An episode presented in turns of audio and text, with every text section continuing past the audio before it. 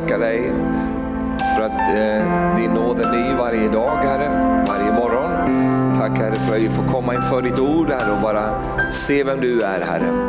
Tack för att du öppnar upp skriften för oss så att vi ser och förstår Herre och att eh, du ger oss också nya sidor utav det vi redan vet Herre. Vi tackar dig för det i Jesu namn. Välsigna var och en som är här. Tack för att du alltid bär någonting från ditt bord till oss Herre och tack för att vi får ta emot det med tacksamhet i Jesu namn. Och allt folket sa Amen. Hur har vi det här? Har vi det bra? Är vi glada? Amen, vad fint. Och gladare ska du bli. Amen. Tack ska ni ha ungdomar, det här var jättebra. Härligt. Halleluja. Nu har vi ju två möten här med en rast emellan. Och, eh, eh Eh, det känns väldigt bra. Det är väldigt kul, härligt att vara här. Jag är glad för det. Amen. Eh, jag gillar ju att bo i kyrkor, va? så jag bor ju här medan jag är här. Jag tycker det är så fint för att då ja, man känner in liksom vad, vad som händer i kyrkan. Och det händer mycket gott här känner jag. Amen. Och jag är så glad att ni har kommit hit idag. Det var ju fint väder och sånt idag. Jag åkte bort till Bromma och jag tänkte varför åka hit? Eh, Bromma var inte lika fint som Kungsängen men, eh, men halleluja. Jula finns överallt. Vet du. Jag skulle köpa en del till mig, till, eh, jag ville ha en grej som, och då fanns inte det i Jönköping men då såg jag att det finns i Bromma. Av alla platser på jorden. Så då har jag köpt det där. Halleluja. Då undrar du vad jag har köpt för någonting. Och det kommer jag inte att säga. Den det håller jag för mig själv. Halleluja. Amen. Eh, jag ska tala nu idag om eh, någonting som faktiskt Herren har varit på mig om att det här får du börja predika lite mer om. Jag ska tala om Gud som han som är mer än nog. Är det okej okay, Gunnar att jag får gå in på det ämnet? Ja, det vet jag att det är okej. Okay. Gunnar och jag vi är så ett i anden och även ett i klädseln. Halleluja. Det är fullständig enhet. Eh, och du vet att då, då, har jag argumenterat lite grann både med mig själv och med Herren. Jag tycker det så här att jag vill inte bli en sån här, jag vill inte vara känd som en pengapredikant. Eh, och sån av olika skäl. Jag tycker att det är liksom, ah, det har varit mycket av sånt där och, och, man känner ibland att man vill liksom inte sånt. För att det, jag känner inte igen mig i den typen av det blir för mycket av någonting. Allting som blir för mycket av är ju inte bra. Eh, och, så. och så har jag argumenterat på det sättet, nej håll ner det där lite grann. Och nu idag ska inte jag predika om pengar men det blir det också. För det inbegriper han som är mer än nog. Och så börjar Herren tala till mig och säger så här, så du bestämmer vem jag är?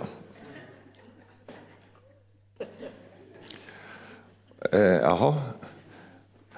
Så du ska sluta tala om vem jag är bara för att du har lite problem med hur människor eh, porträtterar mig? Eh, eh, så är det du som bestämmer vad du ska predika. Med predikanter, Herren kan vara lite tuff med predikanterna. Och sen, nej jag, jag, jag fattar den här. Jag vill att du ska tala vem jag är och inte vem, vem människor tror att jag är. Eh, och därför så har jag liksom lite korrigerat det där och då vill jag gärna tala om just det här underbara, vem Herren är. Halleluja. Kan du säga amen till det? Vi gör ett misstag ibland vi människor att vi försöker förstå Gud utifrån vilka vi är. Och då ger vi Gud mänskliga karaktärsdrag och så tänker vi att han är liksom åt det hållet. Men du förstår, Gud är inte människa. Kan du säga tack och lov? Utan Gud, han, han, han är Gud. Han har skapat människan till sin avbild, absolut. Men, men du förstår, att, eh, när vi försöker lägga på Gud vår uppfattning om Eh, vem han är, då får vi problem. Gud är väldigt bra på att själv tala om vem han är. Nej, inte det. Nej, men, eh, så är han. Gud själv beskriver vem han är. Och, vi, och, och, Sen är det också så att om jag ska få liksom reda i de här tingen, eftersom vi har så mycket med Gud att göra och det är så mycket saker i våra liv som har den, det förhållandet, eh, så är det ju så viktigt att vi inte börjar med oss, utan att vi börjar med, just det, Herren. Att vi först börjar med honom för att sen landa hos oss. Och Det är därför jag tycker om de här lovsångerna som ni har sjungit idag och som vi sjunger. Alltså de handlar om vem Gud är. För om inte jag förstår vem Gud är, då kommer jag få problem att fatta vem jag är om jag inte börjar på rätt plats, då blir det fel från allra första början. Eh, och därför så är det, men det är väldigt lätt, för vem har jag närmast? Jo, det är ju den jag liksom lever i, mig själv. Eh, liksom, har jag ont så känner jag det själv. Eh, har jag problem, ja då ligger det nära mig. Och då är det lätt att man börjar där för att få, få någon form av förändring. Men förändring kommer av att jag börjar hos Herren. Och när jag tar reda på så här, och låt Herren vara Herren. Halleluja. Och vi ska inte göra om Herren till en svensk. Och säga efter mig, nej Gud bevare mig. Ja. Därför att jag har ju upptäckt det, för jag har rest i många länder, att man, man sätter en nationalstämpel på Gud. Och han är spansk, han är finsk, han är svensk, han är norsk. Men vet du, Gud är varken eh, det ena eller det andra. Gud är Gud, halleluja. Och han, vet du, han, han har en egen beskrivning av sig själv i Guds ord. Och där börjar jag. Och för att sen hämta bäring med mitt liv och koppla mitt liv till den Gud är. Amen, halleluja. Så därför så vill jag gärna dela några tankar om Herren idag. Och eh, vi ska hålla oss till just detta underbara, han som är mer än nog, alltså på hebreiska, han är El Shaddai. Och El Shaddai är vad Gud själv säger att han är. Amen. Han är den Gud som är mera än nog. Vad tror du det ligger i den förklaringen?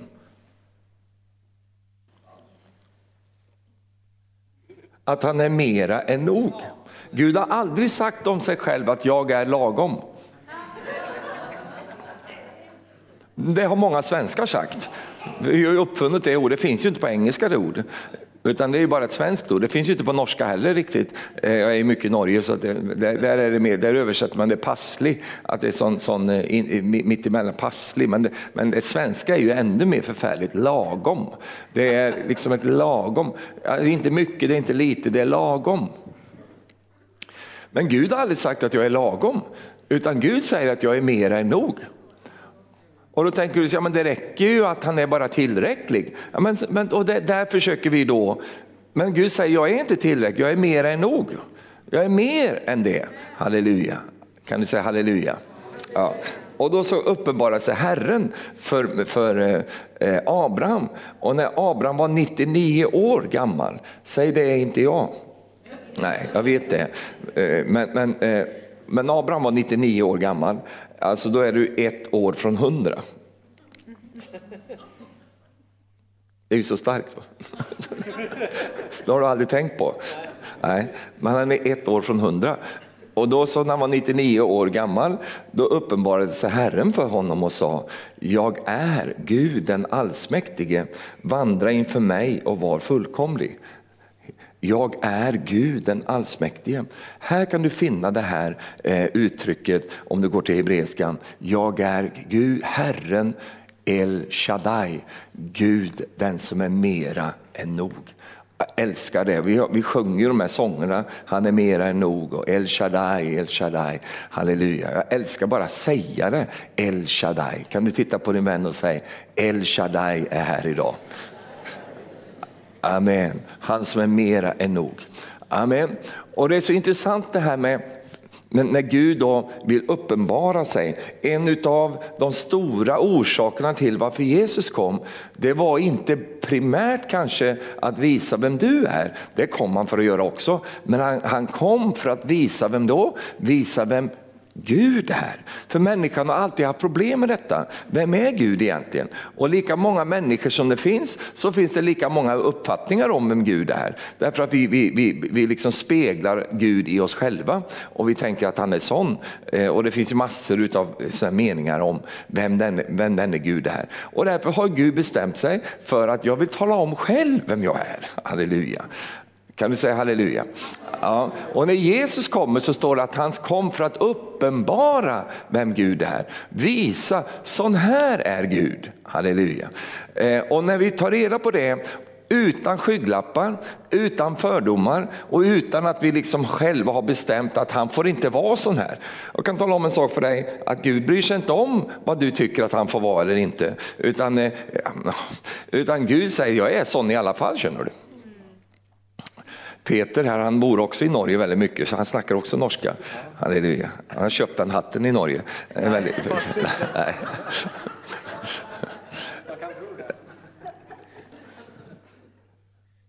En sak som är så underbart med, med Jesus som är då faderns uttryckta eh, väsen. Jesus är så underbar att Jesus han var ju inte politiskt korrekt. Vem tror han fick det av? För fadern är inte politiskt korrekt. Han lägger sig inte i en strömlinjeform eller han lägger sig inte i mainstream sådär, utan Gud är den han är alltid. Det spelar ingen roll om det är populärt att han är sån eller impopulärt. Det spelar ingen roll om det är inne eller ute att han är sån. Han är alltid den han är. Vet du. Halleluja. Amen. Och, och, och, därför blev det en del kollisioner när, när, Jesus gick fram. Därför att den politiskt korrekta eliten vid den tiden blev ju galna på Jesus därför att han gick liksom utanför boxen. Han var inte och uppförde sig inte och sa inte så som den politiska eliten ville att man skulle säga utan han bara var uttrycket av vem Gud är. Halleluja. Amen. Och, och människans stora utmaning här det är ju att leva i en ska vi säga, omvändelse inför Gud. Att det är inte Gud som behöver ändra på sig. Utan det är ju vi som måste förhålla oss till Gud så som den han är. Som jag hörde han som sa, om katten inte tycker om att bli, bli, bli klappad mothårs, då får ju katten vända på sig. Därför att handen går ju åt ett håll, den bara går sån. Va? Och om katten inte tycker om det, du vet om du har haft en katt så om du kör han mothårs sådär, det, det, hela hans inre kvider ju, han vill inte uppleva det. Och då är det ju så att då tänker vi så här, men bättre ändra på handen här så att den går åt rätt håll för katten. Men det så funkar inte det här, utan då får ju katten ändra på sig så att han får bli klappad medhårs, halleluja. Kan du säga amen till det? Och lite i det här måste vi då eh, förhålla oss till Gud, för Gud kommer inte ändra på sig. Vi är tvungna att ändra på oss om vi ska komma i flödet som har med Guds välsignelse att göra. Amen. Så när Gud uppenbarar sig så är han ju väldigt praktisk. Han uppenbarar sig genom sina namn. Eh, och, och, eftersom Gud är så mångfacetterad och att vi är så begränsade så uppenbarar han sig i, i flera olika namn för att beskriva ett karaktärsdrag eh, eh som han har. Och därför så brukar vi ringa in de här namnen eh, och vi ger dem sju, sju olika, liksom, eh, det finns sju olika namn som Gud uppenbarar sig i sina förbund, eller i sitt förbund. Och de här namnen de beskriver vem Gud är och inte bara vem han är utan vad han gör. Halleluja. Därför att i, i Guds ord så är det ju så att det du heter är det du är och det du heter är det du gör. Amen. Och det är väldigt enkelt. Så om du heter liksom eh, Abraham, då är du en fader till många. Eh, och det var ju profetiskt att han fick det namnet för han hade ju inga barn först. Men han har blivit en fader till många och Abraham betyder det. Och därför så, så ger Gud honom det namnet för att du är, eh, du, du, du heter vad du är och du heter vad du gör. Precis som Gud är. Han, han, han, du kan finna honom och förstå honom genom de namn han uppenbarar sig i. Och då har du de här härliga namnen, låt mig bara liksom ta dem lite snabbt för, för dig. Det första då, det är Jehova Shamma. Halleluja, jag älskar de här, kan du säga Shamma med lite tyngd. Det betyder Herren den närvarande. Det är så underbart att veta det att han inte är Herren den frånvarande. Han är inte som din gubbe där hemma, utan han är Herren den närvarande, den allestädes närvarande. Han är alltid närvarande. Han är närvarande här nu, halleluja. Han är Jehova Shamma. Du kan veta det, halleluja. Amen. Det betyder inte att du behöver känna att han är närvarande, utan han är närvarande Vare sig du känner det eller inte så är han det. Det är sån han är, vår Gud. Amen. Har du upplevt Gud långt borta någon gång? Ja, visst har du gjort det. Då ska du bekänna hans namn. Herre, du är Jehova Shamma. Du är Herren den närvarande. Vad är han med för någonting? Jo, han är, han är Jehova Ra, som betyder Herren din herde. Det borde du bli glad över, halleluja. Du vet de flesta människor de har en positiv syn på herdar därför att herdar är ju eh, de som samlar flocken och de som älskar lammen och fåren och allt det där. Och eh, eh, herden är ju också den som ombesörjer att fåren har det de behöver. Och du vet han som kanske var bäst på att beskriva Herren som Jehova Ra, det var ju David som själv var en herde. Och så skriver denna kända härliga psalm 23 där han beskriver vem Herren är för honom. Och då han säger Herren är inte bara en herde herde, utan han är just det, min herde, halleluja. Personlig relation till honom, prisat vare Gud. Och du vet herden han har koll på sina lamm och sina får, vet du. han vet vad de behöver. Jag hörde om ett lamm vet du, som hade eh, liksom på något sätt fastnat med underkäken i sin egen päls på något sätt. Va? Och lekt liksom med en päls. Jag vet inte vad han har gjort för någonting men han satt fast. Så här gick han omkring. Och då säger fårbonden så här, han säger så här och det blev ju en hel predikan för mig. Han säger så här, han har fastnat i sig själv. Tänk vad många människor som har hamnat där. De är fast i sig själva. De. Vad gör herden då? Han klipper loss honom från sig själv. Så att han kan äta. Alltså, det här är ju så mycket bättre än vad du ger gensvar till. Men, men, men... Så många människor de har fastnat i sig själva. Och herdens uppgift är att klippa loss dem från sig själva så att de kan äta och så att de inte dör därför att de sitter fast i sig själva. Herren är din herde, han är Jehovara. Kan du säga amen till det? Han är också Jehova Shalom. Och det vet du vad det betyder, han är Herren din frid. Halleluja. Och det är så underbart det också. När du möter Gud så möter du frid. Vilket betyder att om det inte är frid du möter i, i, i, i din bön eller i ditt förhållande så är det inte Gud du har mött. För Gud är frid. Halleluja. Och Gud talar bara ut ur friden. Han förmedlar bara frid därför att han är frid. Och det är därför som vi, vi aldrig behöver ta till oss den här skrämselpropagandan som är idag. När man skrämmer både ungdomar och barn och allting liksom för att allt håller på att gå åt skogen och allt går under. Det är inte Gud som ligger bakom det. Fridens Gud håller inte på med sånt. Han, när du har hört från Gud, då sitter du igen med frid. Halleluja. Det är en väldigt bra markör för att veta om du har hört från Gud eller inte. Därför att om, det är fyll, om, du, om du blir fylld av fruktan, om du blir fylld av skam, om du blir fylld av allt sånt där annat, ångest och sådana saker, då kan du veta det är inte Herren som har talat nu, det är något annat. Eh, men när Herren kommer, då löser han dig från fruktan. Då sätter han dig fri från det som binder dig och det som gör dig orolig. För fridens Gud, halleluja. Och det är likadant med helgelse. Helgelse är ju ett laddat ord eh, och en del har väldiga problem med det. Eh, det ska du inte ha därför att eh, helgelse är väldigt bra för oss. Helgelse handlar om att jag blir det jag redan är. Det är inte att du ska bli något annat än vad du redan är, utan att du ska bli det du är i Kristus Jesus redan. Helgelse handlar om det, att föra dig till det som du redan har blivit genom frälsningen. Amen. Och då står det i första test 5 och 23 att fridens Gud själv helger dig. Har du försökt att helga dig själv? Hur tyckte du det gick? Det var många år sedan jag skippade de där nyårslöftena och allt det där som man höll på med. För det höll ju bara till ungefär den här tiden på året. Så hade man ju missat det där. Jag ska inte äta någon kaka i år. Så jag upptäckte att jag ätit en hel kakfabrik i, i, i mitten på januari. Så jag inser att jag kan inte helga mig själv, utan Herren får sköta den businessen. Halleluja. Och han är fantastisk på att helga oss. Vet du. Han har sitt sätt vet du, att få oss att vilja helga oss. Få oss att vilja, därför att, vet du varför? Därför att han verkar i vår, vadå?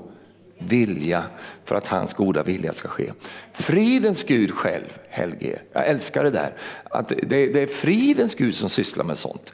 Amen. Han är Herren Jehova Shalom, Herren i frid. Han är också Jehova Jaira som betyder Herren din försörjare.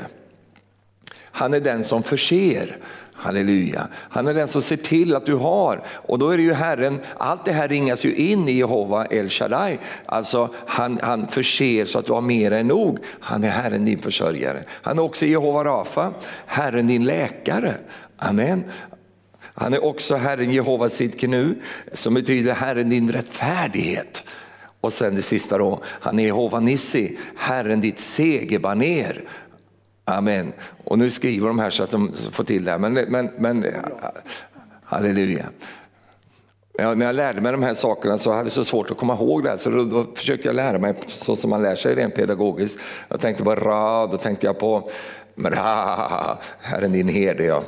Eh, och sen Sidkenu, det är rättfärdigt, det är ett långt ord. Sidkenu, ja det blir ju rättfärdigt. Så det, man fick in det på det sättet, det var många år sedan nu. Och jag har sån glädje av att jag kan de här namnen. Varför då? Därför att alla de här namnen liksom leder till en förklaring om vem Gud är. Halleluja. Sån här är Gud, prisat vare Herrens namn. Kan du säga amen till det? Och idag så ska vi då eh, liksom tala om denna underbara sanning som har med Herren att göra. Att Gud, förstår du, han är överflödets Gud. Han är den som är mera än nog.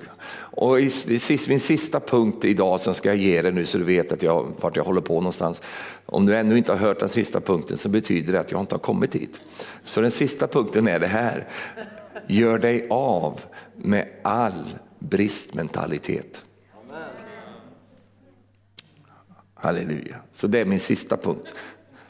Det är inte min första punkt. För min första punkt i det här, det är just detta att Gud är överflödets Gud. Och nu vet jag att du är frestad, för jag kan din sort. Det kallas för människa. Så du vill gärna ner, landa i dig så fort som möjligt här. Snabbt in i mitt liv, mina problem och mina, alltså, mitt mjäll och allt det där som du sliter med i ditt liv.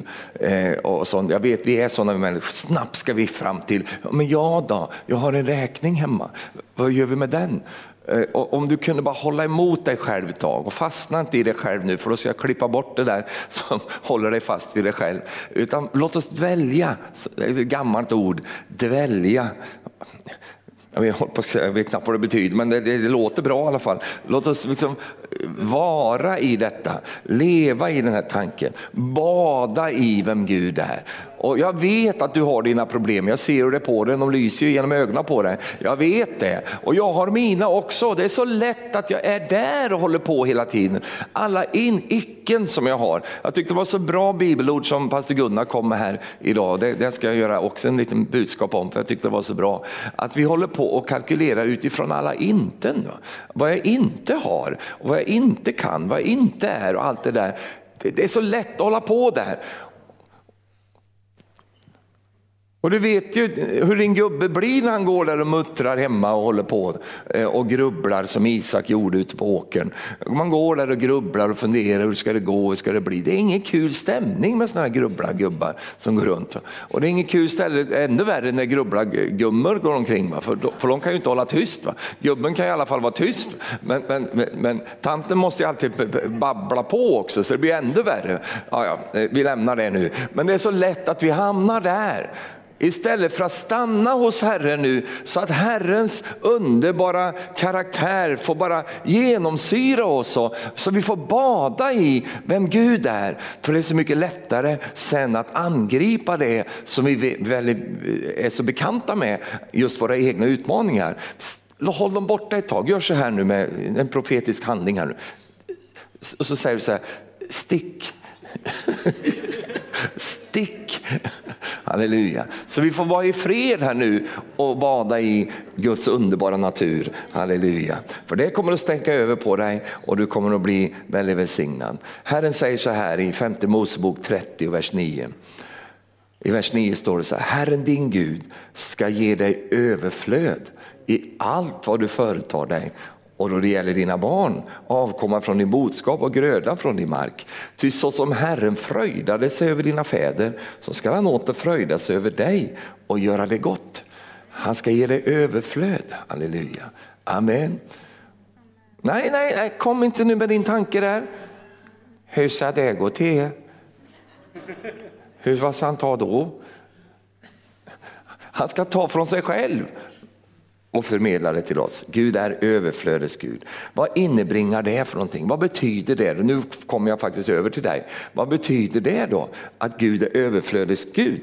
Jo, i alla ska vi säga, möten Gud människa emellan så är det överflödets Gud som, som möter människan. Och det får en viss konsekvens. Och jag ska ge dig några bibelsammanhang på det. Vad händer när El Shaddai möter, kysser jorden? Vad händer när El Shaddai vandrar in i ditt liv? Liv och, och, och liksom ska ge dig någon form av välsignelse vad du än behöver. Vad händer då för någonting när överflödets Gud gör det? Jo, nummer ett, det kommer innefatta då att din bägare flödar över. Varför då? Därför att överflödets Gud har hälsat på. Amen. Gud har aldrig ställt sig i raden av, av svensktänkande människor och som tänker så här, ja men det räcker med att den är full. Den behöver inte ens vara full, lite halvfull, lite på botten kan jag ta. Nej, för det är Gud, det är Gud. Så när han kommer och ska liksom välsigna din bägare, vad är din bägare för någonting då? Jo det är ju ditt liv, det är ju det du har i ditt liv. När Gud ska välsigna din bägare så kommer det innefatta i att din bägare börjar flöda över. Varför då? Därför att det är Gud som har hälsat på. Amen. Och David säger så här, du dukar för mig bord i mina ovänners åsyn. Du smörjer mitt huvud med olja och låter min bägare flöda över. Halleluja. Och då säger jag, men det är inte nödvändigt. Nej, men jag är inte inne på ordet nödvändigt här idag. Det är väldigt mycket grejer förstår du som Gud gör som inte är nödvändigt. Det ska du få se här nu. Så.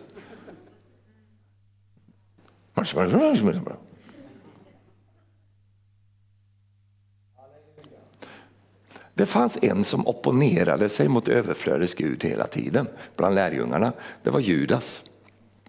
Han hade problem med det för han var så girig. Vet du. Så när det kom en, en, kvinna där och hällde en hel parfymflaska över Jesus och bara, eh, bara lät det flöda för hon hade sett någonting.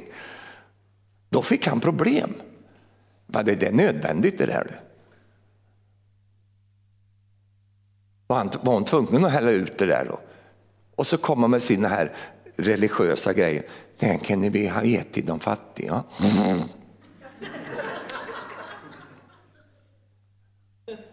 Och det sa han inte av någon hänsyn till de fattiga, utan det sa han bara för att han var girig. Det sa han bara för att han bara tänkte på sig själv. Och Jesus säger, sluta men låt henne vara. Hon har ju bara välsignat mig, det var ju härligt det här, underbart, halleluja. Så om nu din fru liksom börjar hälla parfym över dig så det bara rinner ner och så vidare, låt henne vara. Låt, låt henne hälla på bara. Och låt inte någon komma där och muttra och säga var du tvunget att göra det, det är helt onödigt. För Gud är inte bara nödvändighetens Gud, han är överflödets Gud. Amen. Och jag, jag, jag, det, det, är så skönt när det börjar liksom skra, knaka upp i huvudet på en. Därför att det gör det när vi möter Herren. Halleluja, för vi har ett, ett eh, myrans perspektiv och inte det perspektivet som Herren har. Så din bägare flödar över. Nummer två, Herren vill ge dig nåd som flödar över. Det står i andra Korinthierbrevet 9, vers 8. Och Gud har makt att låta all nåd är du med mig i Bibeln? Att Gud har makt att låta all nåd flöda över. Så det är inte bara nåd som räcker, utan det är nåd som flödar över också. Men det blir ju väldigt onödigt, för att men, det ju helt, den nåden, vem ska ha den? Han har, han har nåd så det räcker och flödar över, halleluja. En sak ska du veta min älskade vän, att det finns ingen brist på nåd hos Gud. Jag har mött en del människor. Där kan man uppleva en del brist på nåd. Alltså. För de kanske har nåd med, med ett litet felsteg eller en sak, va? Det, det kan de klara av. Men är du en sån här återupprepande eh, nådesbrukare, så du har blivit nästan missbrukare på nåden. Va? Halleluja. Så säger det där du. Och då stoppar det, för människor kan ge nåd till en viss sak eller sån. Va? Men Gud förstår du, han har nåd som flödar över. Amen. Han har hur mycket nåd som helst han. Vet Ja, men man ska inte synda på nåden. Men det har jag inte sagt. Jag har bara sagt att det finns nåd så det räcker. Hela ditt liv, alla saker du kommer hamna i, så finns det nåd. Han har nåd, makt att låta all nåd överflöda så att du alltid och under alla förhållanden har nog av allting och kan ge i överflöd till varje gott verk. Halleluja. Det finns i Småland säger man så här, ja jag är så, jag är så glad om jag bara har så jag rer mig. Det säger man i Västergötland också. Bara ha så jag rer mig. Och det låter lite fromt och lite fint och så lite ödmjukt. Och så där. Det är inget ödmjukt överhuvudtaget, det är bara själviskt. För att det är klart, om du bara har så du rer dig, ja, det går väl bra för dig, men det finns ju fler människor i ditt liv än du. Jaha, det var en nyhet. Gud vill ju ha så att du har i överflöd så att du kan ge till allt gott verk. Och då måste det hända något uppe här i, i, i liksom huvudkontoret i våra liv så att vi liksom expand our thinking. Så att vi tänker att ja, men det är inte bara jag som ska ha det så att jag reder mig. Utan det finns ju mer människor som också ska bli välsignade. Och då, då är inte bara det att jag, jag liksom är glad för att det kommer ett överflöd. Utan det är ju, helt, det är ju nödvändigt att jag har så att det flödar över i mitt liv. För tror du att Gud vill att du ska ge på bekostnad av dig själv? Nej, utan Gud vill ju att du ska ge därför att det flödar från dig själv. Halleluja. Och därför är ju principen denna, jag ger mig ju aldrig fattig utan jag ger mig rik. Det är inte så att jag, jag blir utarmad av detta utan det är ju så att det, det, det, blir ett konstant flöde. Varför då? Därför att Gud har en nåd som flödar över in i mitt liv. Nummer fem, Gud har liv som flödar över. Det ligger i hans karaktär. Jesus säger i Johannes 10.10, 10, tjuven kommer bara Alltså det är det enda han kommer för, för att stjäla, slakta och döda. Jag har kommit för att de ska ha liv, ja liv i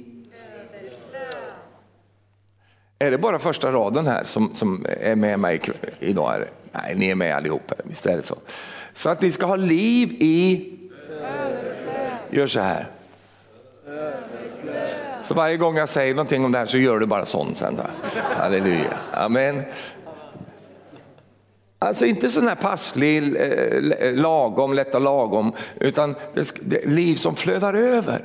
Och du vet att eh, ibland så tänker vi så här och lever med det också. Vi känner att livskraften, livsenergin, eh, du kan lägga in olika saker i det här med ordet liv. Eh, och vi känner att liksom, åh, vi, vi, vi utarmade på liv och, och, och sånt. Och det har väl med, med tidsandan att göra också. Att människor känner att de har inte det där som, som gör att de, de har inget överskott.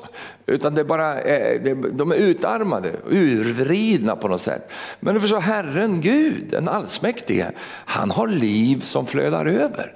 Jesus säger det ju själv, jag läste här, att han kom för att vi skulle ha liv i överflöd. Halleluja. Bra.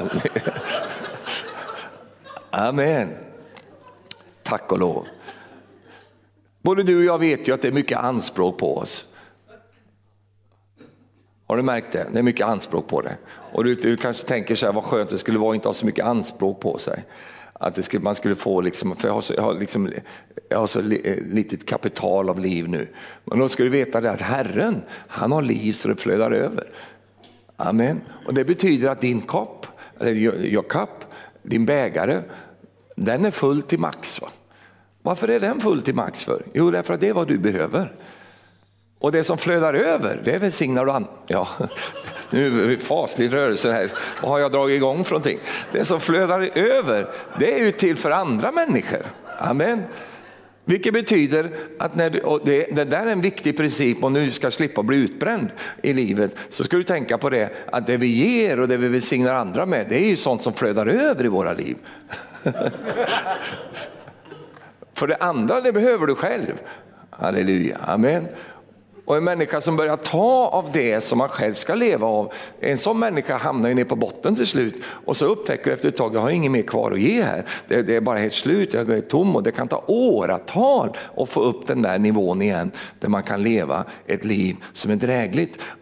Men Gud har ju alltid tänkt att det ska vara bara konstant flöde bara som flödar över i mitt liv. Halleluja. Så jag har vad jag behöver till att ge liv åt en värld som verkar inte ha det. Så har jag massa liv, halleluja, som flödar över. Varför då? För Jesus kom för att jag skulle ha liv och Amen, halleluja. Du har haft många tagare i ditt liv. De, de, de, du sitter igen med att du är bestulen. Du upplever att de kommer hälsa på, de, de liksom tog ifrån dig och lämnade ingenting tillbaka. Jag har en hel predikan om det där som, som handlar om de vise männen. Jag tycker det är fantastiskt med, med de vise männen, vet du, som vi har ju gjort dem. Vi är ju så, ja, jag vet inte var vi fick idén att de var tre stycken. Men det, det, står inte att de var tre stycken, men det är, det är liksom lagom bara tre stycken. Det är ungefär vad vi orkar med att rita på de där kameler och tre stycken, så det är tre stycken. Men jag känner många ifrån, från östern och de kommer aldrig tre stycken, de kommer i flock. De, det är liksom, det är, det är liksom brorsan och det kusinen och gamla gubben. Och det, är, det är liksom en hel liten eh, armé som kommer. Så jag kan tänka mig att det var en, ett, ett större antal som kom dit till Jesus. Och du vet att det är så fantastiskt med de vise männen. Det är att Jesus är i det här liksom obskyra läget att han är född i ett stall. Och han är där ingen människa tänker att här föds det säkert någon idag. Det är ingen som tänker så, utan här är djuren som är där och så vidare. Men du förstår, de där knepiga omständigheterna som, som Jesus befann sig i hindrade inte de vise männen att hitta honom. Därför att de åkte Mercedes. De navigerar efter stjärnan. Ja, jag vill, nu trampar jag på några tår här. De fann honom. Det är vis, visa män, de har sådana där utrustningar. Så de, de hittade Jesus där han låg där. Halleluja. Och vad, vad gjorde de då? Varför, varför, kom de dit för? Jo, jag ska ge dig några tankar om visa människor. För att det, du säger, var det bara män? Va?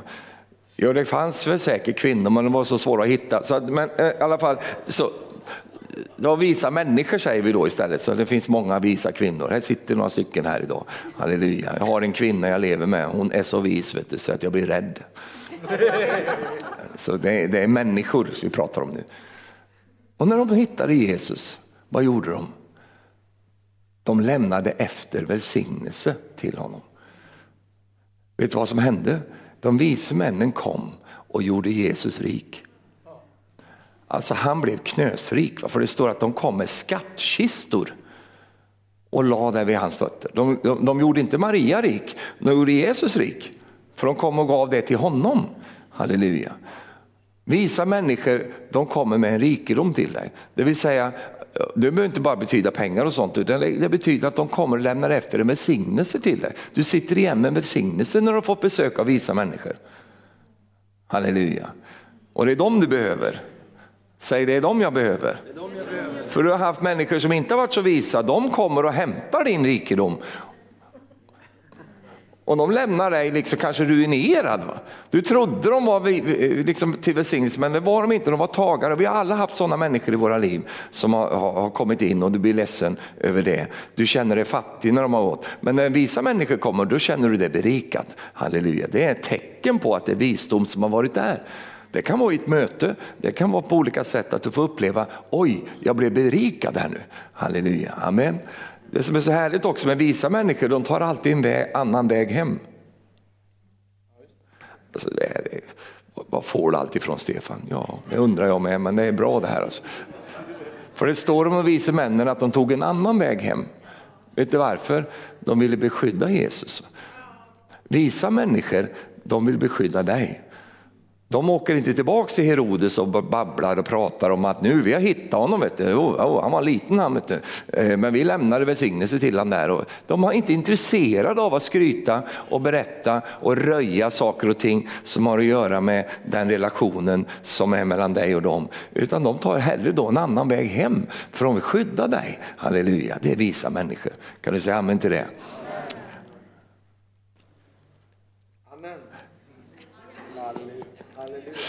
Ja. Så visa människor kommer med liv som flödar över. De kommer och förmedlar någonting och så landar det där hos dig och så sitter du igen med en skattkista och det luktar gott när visa människor har varit hos dig. För de har myrra, vet du, de har eh, väldoftande saker. Det är härligt att få besök av människor eh, som, som bara lämnar efter en väldoft när de har varit där. Och du är en vis människa, kan du säga amen till det? Du förstår väl att det är dig jag talar om? Amen. Ja, men jag har ingen Mercedes Stefan. Nej men den dimensionen ska du komma in i.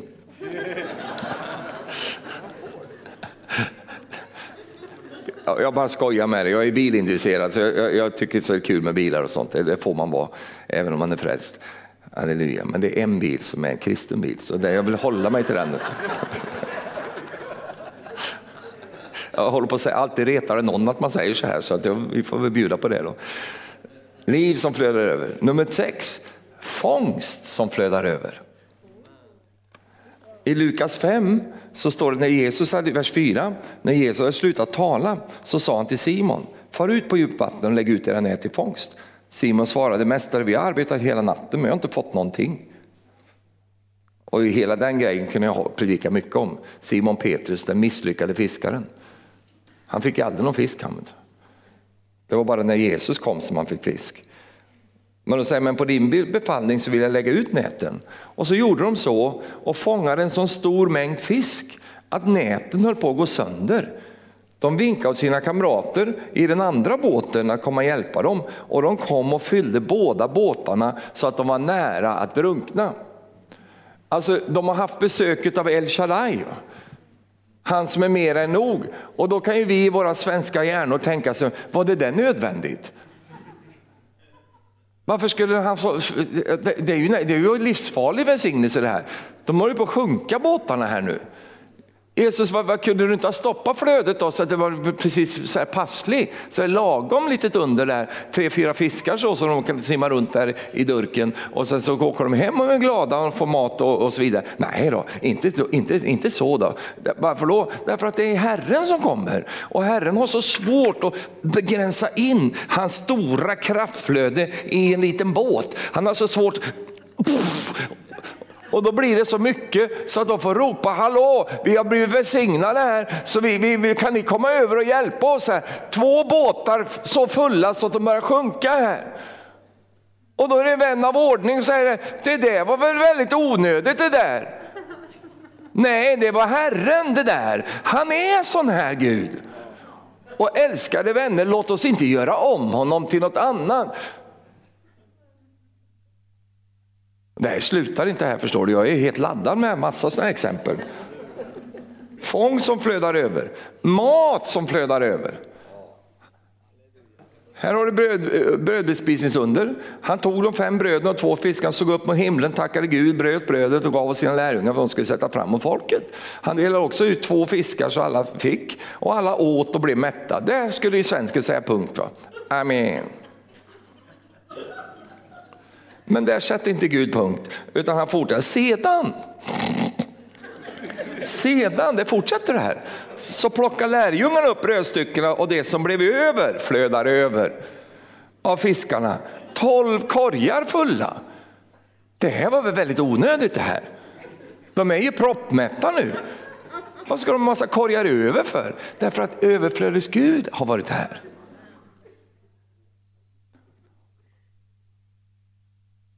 Då är det 5 000 som har blivit mätta redan. De är ju redan, det är klart för dagen det här. Och då kan man tänka sig, här, alltså, herre du har kalkylerat lite fel här. Det är liksom 12 korgar över, vem ska äta dem då? Vem ska ha dem? Ja det ska ju pojken som kom med sina små bröd och fiskare, han får ju det med sig hem sen. Han går från mamma med en liten lunchlåda där och kommer hem liksom med mat för tre veckor. Vet du varför? Han har hälsat på Jesus. Du kommer aldrig fattig tillbaks när du ger någonting till Jesus. Utan du kommer hem med överflöd.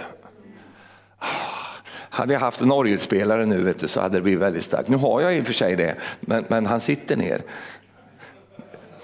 Du vet amerikanerna är så duktiga, de trycker i med orglar och grejer vet du, när de vill få fram effekten av det de tyckte var bra. Och jag känner mig liksom mer åt det hållet då. Han mat som flödar över. Halleluja. Då kan komma någon surkart och säga så här, jaha, vem har fått det där av?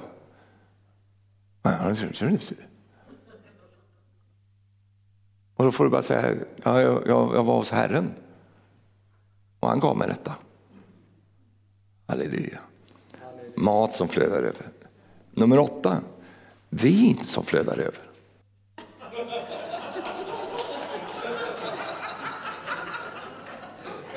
Mm. Ja, just det. Mm. Nu känner jag honom, så det är inte för att han fick nog av det här nu. Nu, nu räcker det. Nej, det var bara det att han gick.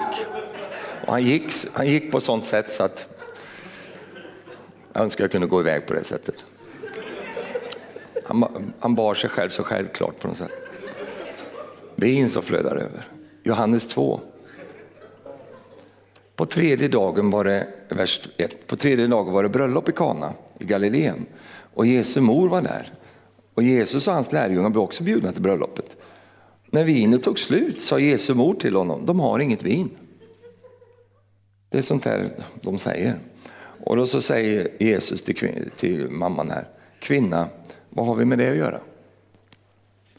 Det här säger, ska du säga till din fru ibland, eh, eller din mamma kanske, kvinna vad har du med det att göra? Eller vad har vi med det att göra? Och så säger min stund har ändå inte kommit. Så. Och då säger hans mamma till tjänaren, gör vad han än säger till er. Hon hade gett upp där. Gör vad han än säger till er. Och i vers 6, nu stod det sex stenkrukor, sådana som judarna använde vid sina reningar. De, de rymde omkring hundra liter var. Och Jesus sa, fyll krukorna med vatten.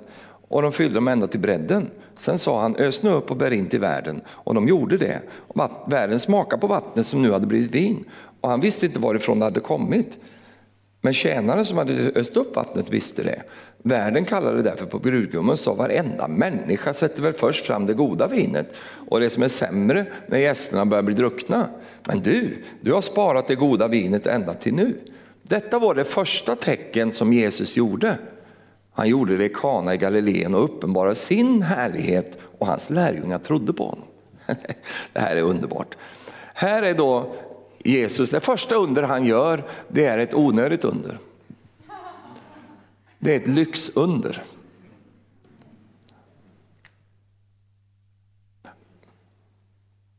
Han gör vatten till vin. Nu är jag ingen förespråkare för, för att dricka vin och sådana saker, så missförstå mig inte. Utan eh, det, det, det, bara råkar vara så att det var så här. Så jag säger inte liksom att det, det, du fattar den. Jag är ute efter principen här. Och principen är denna då. Att när Jesus ska göra det här undret så gör, tar han ju inte liksom eh, tre, fyra flaskor så. Utan det är alltså då 600 liter vin. Då säger du så här, det där var väl helt onödigt? Ja. Ingen hade dött den där dagen. Ingen hade gått hem från det bröllopet och ramlat ner och, dött på grund av brist på att de hade druckit. Utan det här, de har klarat sig mycket bra ändå. De hade inte behövt det här undret här. De är ingen som har liksom, åh det är jätteviktigt nu att det här sker ett genombrott här. Åh så viktigt nu för att de går under här. Ingen hade gått under här. Det var egentligen ganska onödigt under på ett sätt. Eh, och, sån, och du tänker så här, kära någon alltså. Jag trodde att Jesus var väldigt som kalkylerad och väldigt viktigt hur han portionerar ut saker och ting. Och här verkar det som att, att Jesus, eh, jag provocerar lite med flit. Det fanns massa fattiga människor den där dagen där. De fick ingenting. Men de här som redan hade druckit, de ska ha liksom hur mycket som helst. Och då kommer liksom eh, ibland det här upp, det där är ju inte rättvist. Och jag tänker på de här två sönerna, det är en som föll iväg och han, han liksom kom tillbaka till fadern och han fick upprättelse direkt och, och in i festen och jippi och sånt. Va? Och så kommer den andra äldre sonen han har skött allting. Det fanns inga draman runt honom. Det fanns inget liksom att han har ställt till det genom livet. Han var liksom jätteminutiös, ordningsam, skött allting. Och jag kan höra hur det ringer. Det är inte rättvist det här. Kanske du också har tänkt, du kanske har någon syskon som har strulat till det jättemycket och, och, och liksom hela tiden, det är liksom drama jämt va? och så vidare. Så försöker du sköta dig, ordna det och allt det där. Du kanske blir lite sur på dina föräldrar ibland och säger så här, det är ju inte rättvist. Va? Ni ska ägna så mycket uppmärksamhet och ta hand om det här och jobba med det här och allt det där. Ja då, jag har inga draman, jag sköter mig, jag ordnar min saker, jag ställer aldrig till men det är inte rättvist. Så sa säkert den pojken där. Och då vill jag säga om, om det är någon som kan tänka så där ibland, gå inte, gå inte den vägen snälla, gör inte det. Dra inte det kortet till Gud och säg Gud, jag, jag, jag drar rättvis kortet nu. Jag kräver rättvis behandling. Du, du, oh, gå, gå, inte den vägen. För om, om liksom, stressa, eller, eh, eh provocera inte Herren på det, just det området. Jag vill att det ska vara rättvist där, för då vänder sig Gud till dig. Ska vi snacka rättvist? Okej, sätt dig ner här ska vi prata lite om vad som är rättvist och inte. Eh, ska vi tala om det här med din girighet? Eh, ska vi, ska vi ta upp det här med din självrättfärdighet och din egengodhet? Nisse Pelle. Du lite sur på din lillebror nu för att han kommer hem eh, och luktar gris. Hur tycker du att du luktar själv? Dra inte det kortet för Gud, för att ingen av oss har på det sättet fått en rättvis behandling. Vi har fått en nådesbehandling, halleluja. Ingen kan stå inför Gud och säga, jag har minsann i alla fall rätt till den här välsignelsen. Ingen har rätt till den välsignelsen. Alla faller till föga, alla kommer till korta och vi ska vara tacksamma att Gud är så nådefull och hjälpsam och tar hand om oss. Hans barmhärtighet är så enorm mot oss. Även om vi inte eh, har så mycket drama och så mycket sådana saker och det kan synas som om det verkar ganska okej okay med oss så är det inte okej okay med oss. För det finns andra saker som inte syns kanske det finns saker som syns hos människor, alla kan se det, men alla människor bär på saker i sina liv. Om Gud skulle börja plocka av oss och visa fram och exponera hur det egentligen är med oss, Mm, då inser både du och jag, det här var inte riktigt rättvist det här, utan det var nådefullt och barmhärtigt. Halleluja, kan du säga halleluja, det här är bra. Vin som flödar över. Det var ganska onödigt det här. Men Jesus, han tänker, okej, okay, då ska jag försöka begränsa detta så att det inte får en liksom, översvämning här. Så vi får trycker in det i de här 600 litrarna här. Det, liksom, det, var inte det maximala han kunde göra utan det var det minimala för att inte liksom spränga hela stället. Därför att överflödets Gud, vet du, när vi lyfter fram våra små kärl i förhållande till vem han är, så blir det på det här sättet, det flödar över. Halleluja, kan du säga halleluja? Amen. Amen. Så nu är jag framme vid sista punkten. Gör dig av med bristmentaliteten. Du vet, det finns en sån här villfarelse och det är ju att man tänker att det är så mycket brist på jorden. Men det finns ingen brist på jorden. Det finns hur mycket som helst. Socialismen bygger sin, sin liksom tes på detta, att det är brist. Och därför om du tar lite för mycket av kakan, då får vi mycket mindre vi andra här. Och då måste vi liksom justera detta så att du får mindre så att vi alla kan få rättvis fördelning. Eh, och, och sånt. Men du förstår, vi är inga socialister här. Vi är frälsta människor och vi har att göra med en Gud som har skapat den här jorden. Tror han skapat den här jorden så, och, och, och så att liksom inte den kan förse människan med det som den människan behöver. Det finns finns hur mycket som helst, halleluja. Och bristmentaliteten bygger just på detta, att det finns någon slags brist. Och därför är det viktigt för mig att hålla fast vid det lilla jag har så att inte jag tappar det. Och då måste jag liksom stålsätta mig och jag måste se till att ingen annan får någon mer än vad jag har. Därför att då blir det orättvist och då blir det skev fördelning och, då, då, då, och allt det där. Och det där finns inte i Guds värld. Abraham mötte Gud, oh, Abraham mötte Gud och Gud presenterar sig till Abraham och säger jag är överflödets Gud. Ja. Halleluja. Det hade satt sig i Abraham. Så i alla konflikter, i alla utmaningar som gäller Abrahams liv så hade han det ringandes in i hans öron. Jag har att göra med en Gud som inte har någon brist. Halleluja. Och därför när Lot liksom blev lurad av de där herdarna för de tyckte att det är brist här nu, vi måste liksom hitta på någonting här. Då säger Abraham till sin brorson, han säger så här, inte ska det väl råda någon tvist mellan oss? Käre Lot, inte, nej, nej, nej. Alltså gå vart du vill. Om du går åt vänster så går jag åt höger. Om du går åt höger så men då går jag åt vänster. Inga problem, ta vad du vill. Vet du. Halleluja. Varför kunde han vara sån här Abraham? Han hade mött El Shaddai. Han visste vem Gud är. Halleluja. Och det, det, är någonting när vi får ta på detta i våra liv. Då behöver vi liksom inte hålla på strida, kämpa, behålla, vara livrädda för att nu får jag ju mindre och om han ska få sån och allt det där. Du vet ju, avundsjuka bygger ju mångt och mycket på de här tankarna. Det bygger ju på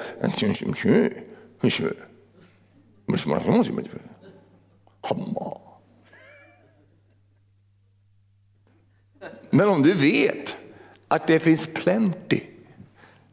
Titta på din vän och säg detta vackra ord, plenty.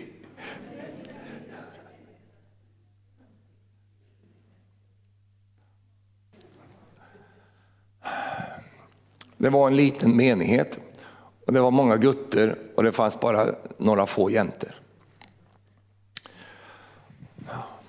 Och de var inga vackra. Vad gamla var de också. Så det var ingen som liksom, så, så vart det en, en, en jänte var så söt och blev frälst. Vet du. Så kom in i menigheten. Vet du. Och de här ungguttarna, de började tävla. Vet du. Och det skapade nästan en kris i menigheten. Därför att de här liksom, oh, oh, äntligen har fått in en, en tjej här nu. Och alla flög på den här, vet du, den stackars tjejen, vet du, nyfrälst, hon fattar inte vad hon har hamnat i för någonting. Och, och de här ungkarlarna vet du, som, som liksom, de andades vårluft och, och, all, och det blev kriser och de blev konflikt med varandra och det var förfärligt vilken röra det var det där. Och, och, och sånt. Därför att de trodde att det finns bara en enda tjej. Men jag kan tala om för dig, det finns ju massvis med tjejer på jorden. Halleluja. Ja men inte i vår lilla menighet. Nej, men de finns ju någon annanstans säkert. Och du vet att till slut blev det ju så att ingen av de här killarna fick ju den här tjejen. Därför att det, det, och det kan ju förstå varför. Och när de insåg detta så blev det frid och fred. Eh, halleluja, och de är fortfarande ungkarlar. Väntar på att någon ska ramla in där som de kan slåss om. Och jag tänkte på det där när jag, när jag hörde om det där så tänkte jag, ja, men är inte det typiskt? Va? Att vi får för oss liksom att det här finns bara den här, oh, de slåss för det här, nu ska vi ha det här. Det är en bristmentalitetstanke och den finns inte i Gud. Va? Gud har ingen sån, han har hur mycket som helst. Du säger, man han kom och roffade åt sig och tog det här. Ja, låt honom ta det bara. Det är Abrahams tanke. Lot, ta det här. För det finns ju värre saker som kan hända mellan oss än att liksom du tar den här välsignelsen. För jag är välsignad i Gud och Gud kommer att öppna för mig. Och det gjorde ju Gud också. Halleluja, för han är överflödets Gud. Kan du säga amen till det? Det här är någonting vi alltid får strida för i våra liv, därför att det kryper så lätt på oss. Eh, och det har ju historiska bakgrunder och, och så vidare. Men det är någonting som vi får ta strid för i våra liv, så vi inte hamnar i den här småaktigheten, utan att vi förstår detta. Vi har att göra med en god och stor och mäktig Gud, som är en överflödets Gud. Halleluja. Amen. Halleluja. Halleluja. Amen. Lyssna på det här, bara för att ge en liten tanke runt det här. Jag läste det här, det var en, en kille då som skrev det här. Han skrev så här. En man kom fram till mig imorgon när jag var på väg att sätta mig i min korvett.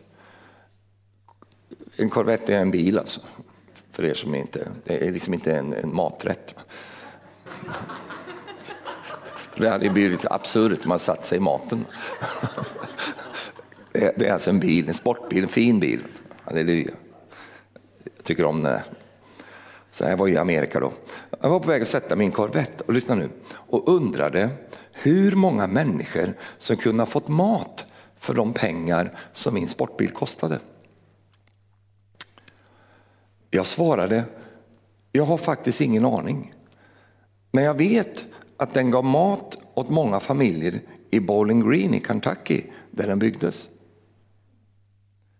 Den gav mat till arbetarna som tillverkade däcken och tillverkade alla delar som behövdes för att bygga den. Den gav mat till arbetarna i koppargruvan som grävde upp kopparen som behövdes till kablarna.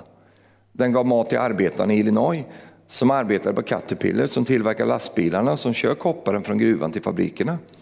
Den gav också mat till bilhandlaren och hans familj. Men jag får nog erkänna att jag har inte en aning om exakt hur många människor den gett mat till under sin resa till min parkeringsplats.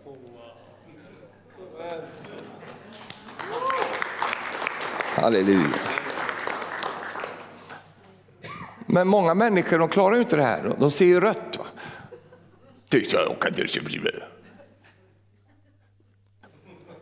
Det fanns en viss man, jag har redan citerat honom, han heter Judas, han hade exakt den tanken.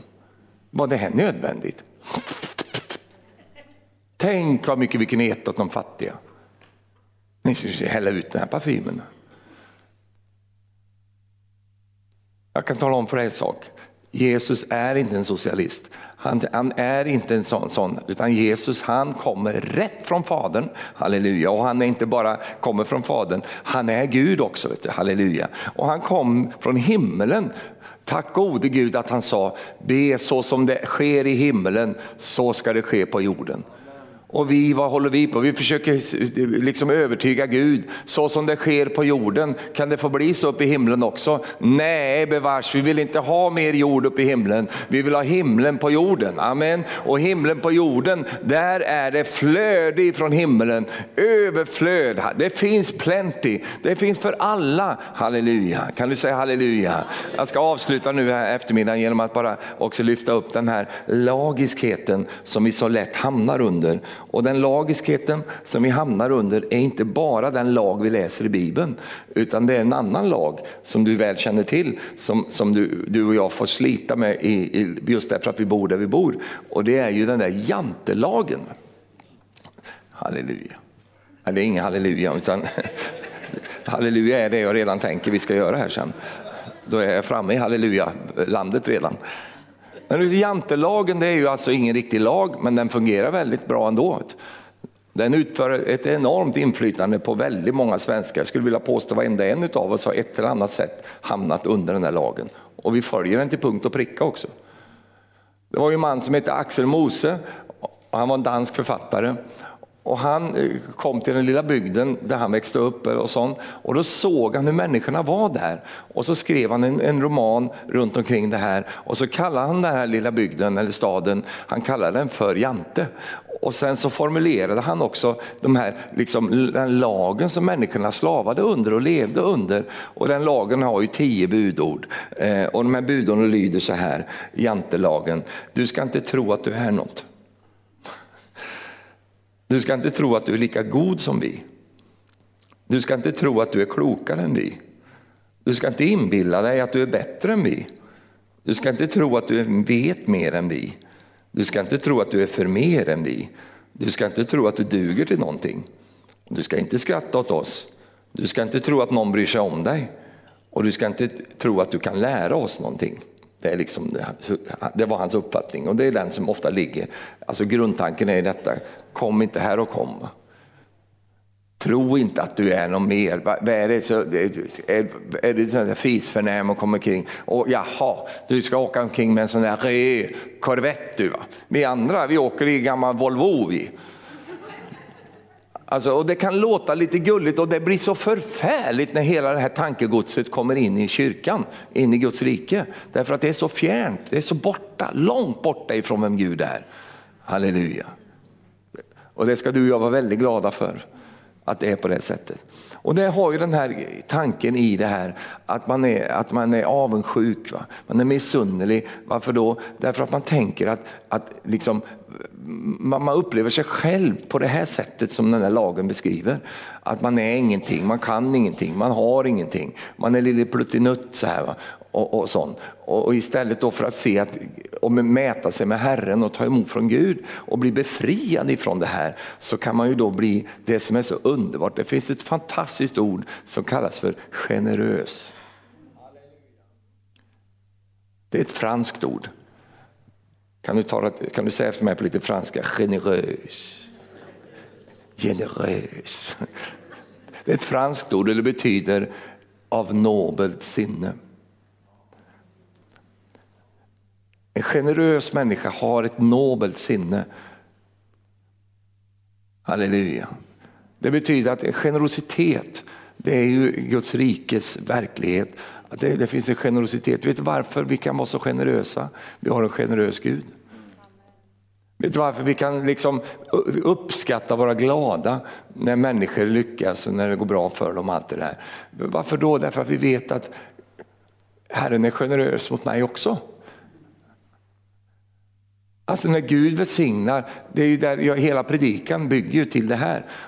Det vill säga att när Gud välsignar så är det inte så att han får ta i med allt vad han har för att lägga över en droppe till dig.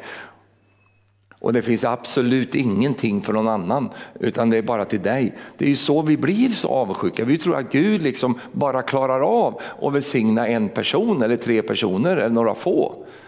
Men Gud är ju överflödets Gud, halleluja.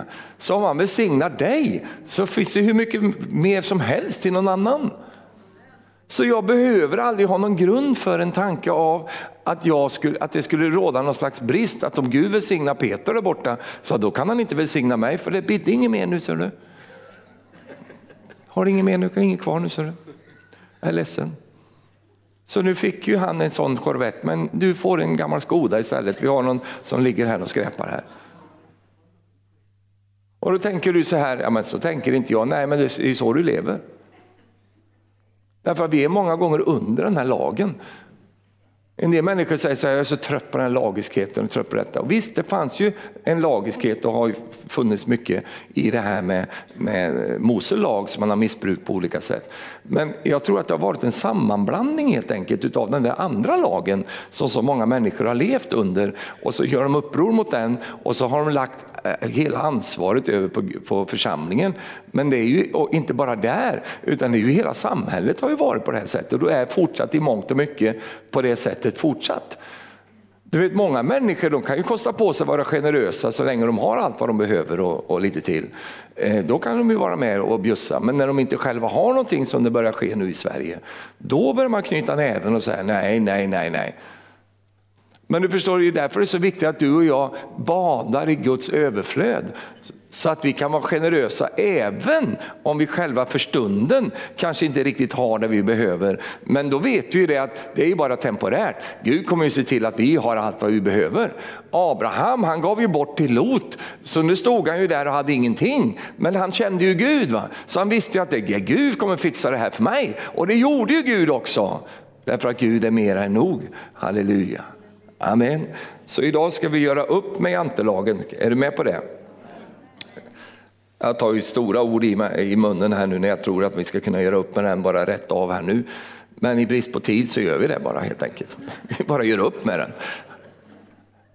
Alltså den där förfärliga grejen som begränsar människor så mycket. Jag hade en vän som, som fortfarande min vän, han var lite, lite äldre eh, och, så, och han, han älskar bilar. Vet du. Och våran generation, mig och sådana som är lite upp, uppöver, vi har ju liksom ett kärleksförhållande till bilar därför att det var ju en väldig lyx att ha bilar förr i tiden och det var ju stort och man tog hand om den och sånt. Va? Idag, ungdomar idag, de, de, har ju liksom, kanske inte på det sättet, men min generation och de som är lite äldre, de har en, en sån förhållande till bilar och det var ju också mycket så att hade du en bil på den tiden, där, då hade du liksom lite lyckats. Va? Det var ju lite tecken på att det var något sånt. Så är det ju inte idag längre. Men han ville ju ha en fin bil. Vet du. Och han, ville ju, han tyckte om amerikanare. Vet du. Och han hade tjänat ganska bra med pengar så, att, så, så, så sa han, jag ska köpa mig en amerikanare. Så. Ja, gör det, så jag. Bara köp på, köp två.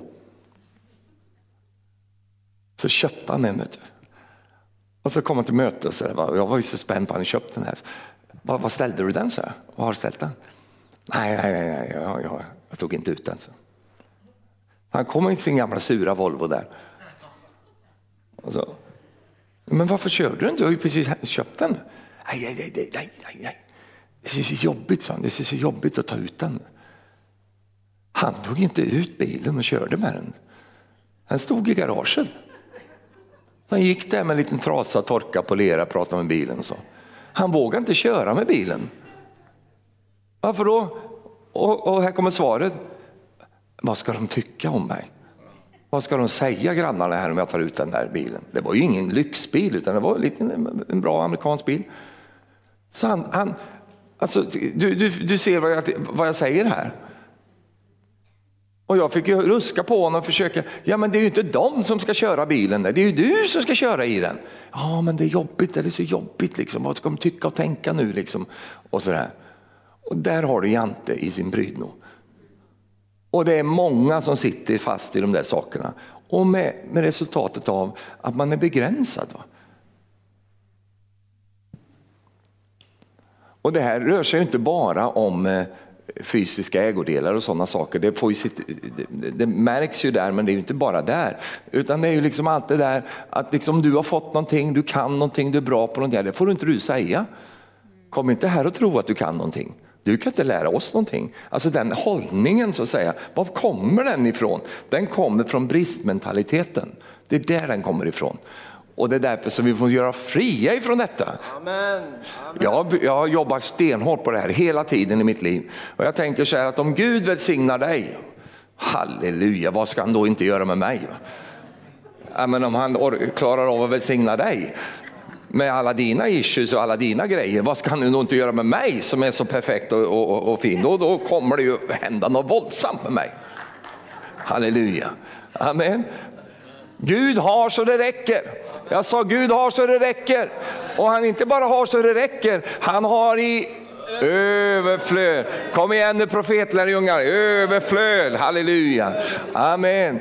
Och då så förstår jag, du, du kan ha suttit och tänkt under mötet här, jag vet inte om du har det, men du kanske har gjort det. Och du tänker så här, ja men jag har ju som brist, vet du.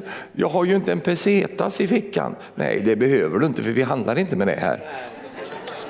Det är inget att stå efter. Nej, men jag har ju brist, vet du, Stefan, det är ju så jobbigt. Och, och, där, och där kan du hålla på och ägna dig och då blir du bara ledsnare och ledsnare. Bada i Herren istället. För det kommer att ske någonting här uppe. Något kommer börja hända. Helt plötsligt börjar du gå på ett annat sätt. Du går som han brodern där som inte kom tillbaks. Du, du, du går ut i kyrkan så här.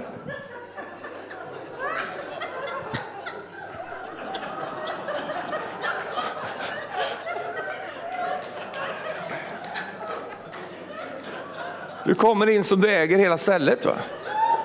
Hallå, tjena. En del av er behöver träna på hur man ska gå. Nej, jag har ju att göra med överflödets Gud. Jag går ju som han vid Vanheden i, i Jönssonligan. Halleluja, amen. Amen. För Guds ord säger att han har rest oss upp och vi vandrar med honom i, i hans välsignelse. Halleluja. Kan du säga halleluja? halleluja? Och detta är så viktigt vänner, därför att du hör ju alla dessa domedagsprofeterna och nu går det på dåliga tider och nu kommer det bli jobbigt här, nu kommer det För vem? Ja, inte för mig i alla fall. Amen. Varför då? Jag har ju överflödets Gud i mitt liv. Halleluja. Och det är inte så att änglarna springer runt i himlen och försöker leta reda på någonting och skicka ner till oss. Har vi något här på lagret? Nej, det är tomt här du. Nej, det finns hur mycket som helst. Va? Problemet som man har i himlen det är att det är så mycket där uppe och så lite som gör, görs anspråk på. Som säger, vad ska vi lägga alla välsignelser där uppe? De ska ju inte vara här, de ska ju ner på jorden. Men det är ju ingen som gör anspråk på dem där nere. Så vi får ju ha dem. Gabriel, var har du lagt den där? Ja, jag la in den där, det var ju så hundratusentals miljoner av, av liksom nya ben och nya hjärtan. De ligger ju där inne. Det är ingen som kallar på dem. Det finns hur mycket som helst, halleluja. Det är inte så att Herren håller på och klämmer fram liksom en, en litet elande till dig liksom, och det var den enda som fick någon här nu i det här mötet. Ingen mer får någonting. Det finns hur mycket som helst, halleluja. Hur mycket som helst! Halleluja. Amen. För dig och för mig och för oss alla. Halleluja. Prisat vare Herrens namn. Jag sa prisat vare Herrens namn. Och jag, ska, jag har avslutat flera gånger nu, men jag är överflödets predikant, så jag predikar i överflöd. Halleluja. Låt mig få ge dig en annan lag bara för att kontra mot den här lagen. Då. Och den går så här, du är mycket större än du någonsin har trott. Du är minst lika god som alla andra, förmodligen bättre. Du har en potential som är i det närmaste obegränsad.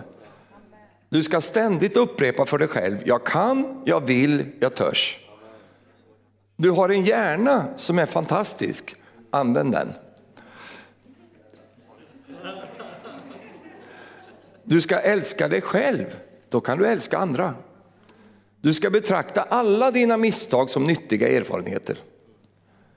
Och du ska kunna skratta, ibland åt dig själv om det behövs. Och du ska bry dig om andra och du ska bry dig om dig själv. Och du har kunskap som ingen annan har. Kan du säga amen? amen. Halleluja. Nåväl, han då som är mer än nog, jag är färdig nu men det är överflöd här. Han som är mer än nog vill ge dig mer än nog. Av vad? Låt mig lista fyra saker under det här året. Nummer ett, kraft. Det är en bristvara för många, men Gud han har mer än nog av kraft, energi, styrka, genomslag. Som din dag är ska din kraft vara. Amen. Som din dag är ska din kraft vara. Det finns ny kraft för varje dag. Nummer två, tid. Det finns hur mycket tid som helst. En del tror att det är brist på tid. Nej, det är ju tid som det är gott av. Men jag har ju ingen tid. Jo, det är tid vi har. Gud, det finns mycket, allt det Gud har kallat dig att göra finns det tid att göra. Men vi har ju den här konstiga tanken att tiden går. Va? Det är ju bara ett påhitt uppe i västvärlden. Tiden går ju inte, den kommer ju. Du säger man, men varför, varför, varför känner jag att det inte är ett ja, men den har inte kommit. För Bibeln säger ju, Jesus säger det själv, han, han trodde ju inte att tiden gick. För han säger så här, jag går inte dit nu för min tid har inte, nej just det, kommit.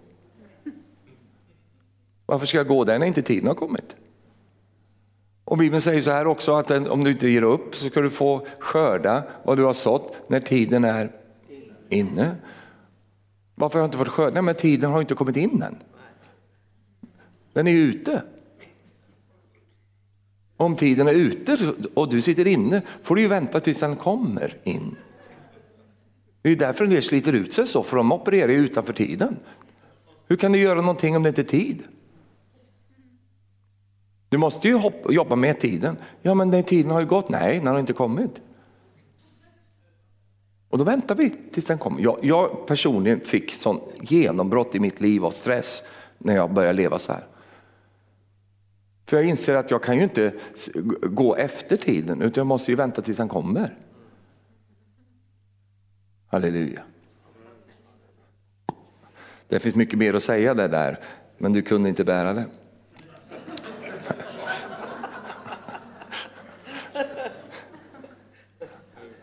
För det knakar. Nej, min tid har ännu inte kommit för att jag ska dela detta. Nummer tre, det här året ska Gud ge dig resurser. Här, här kommer mannen.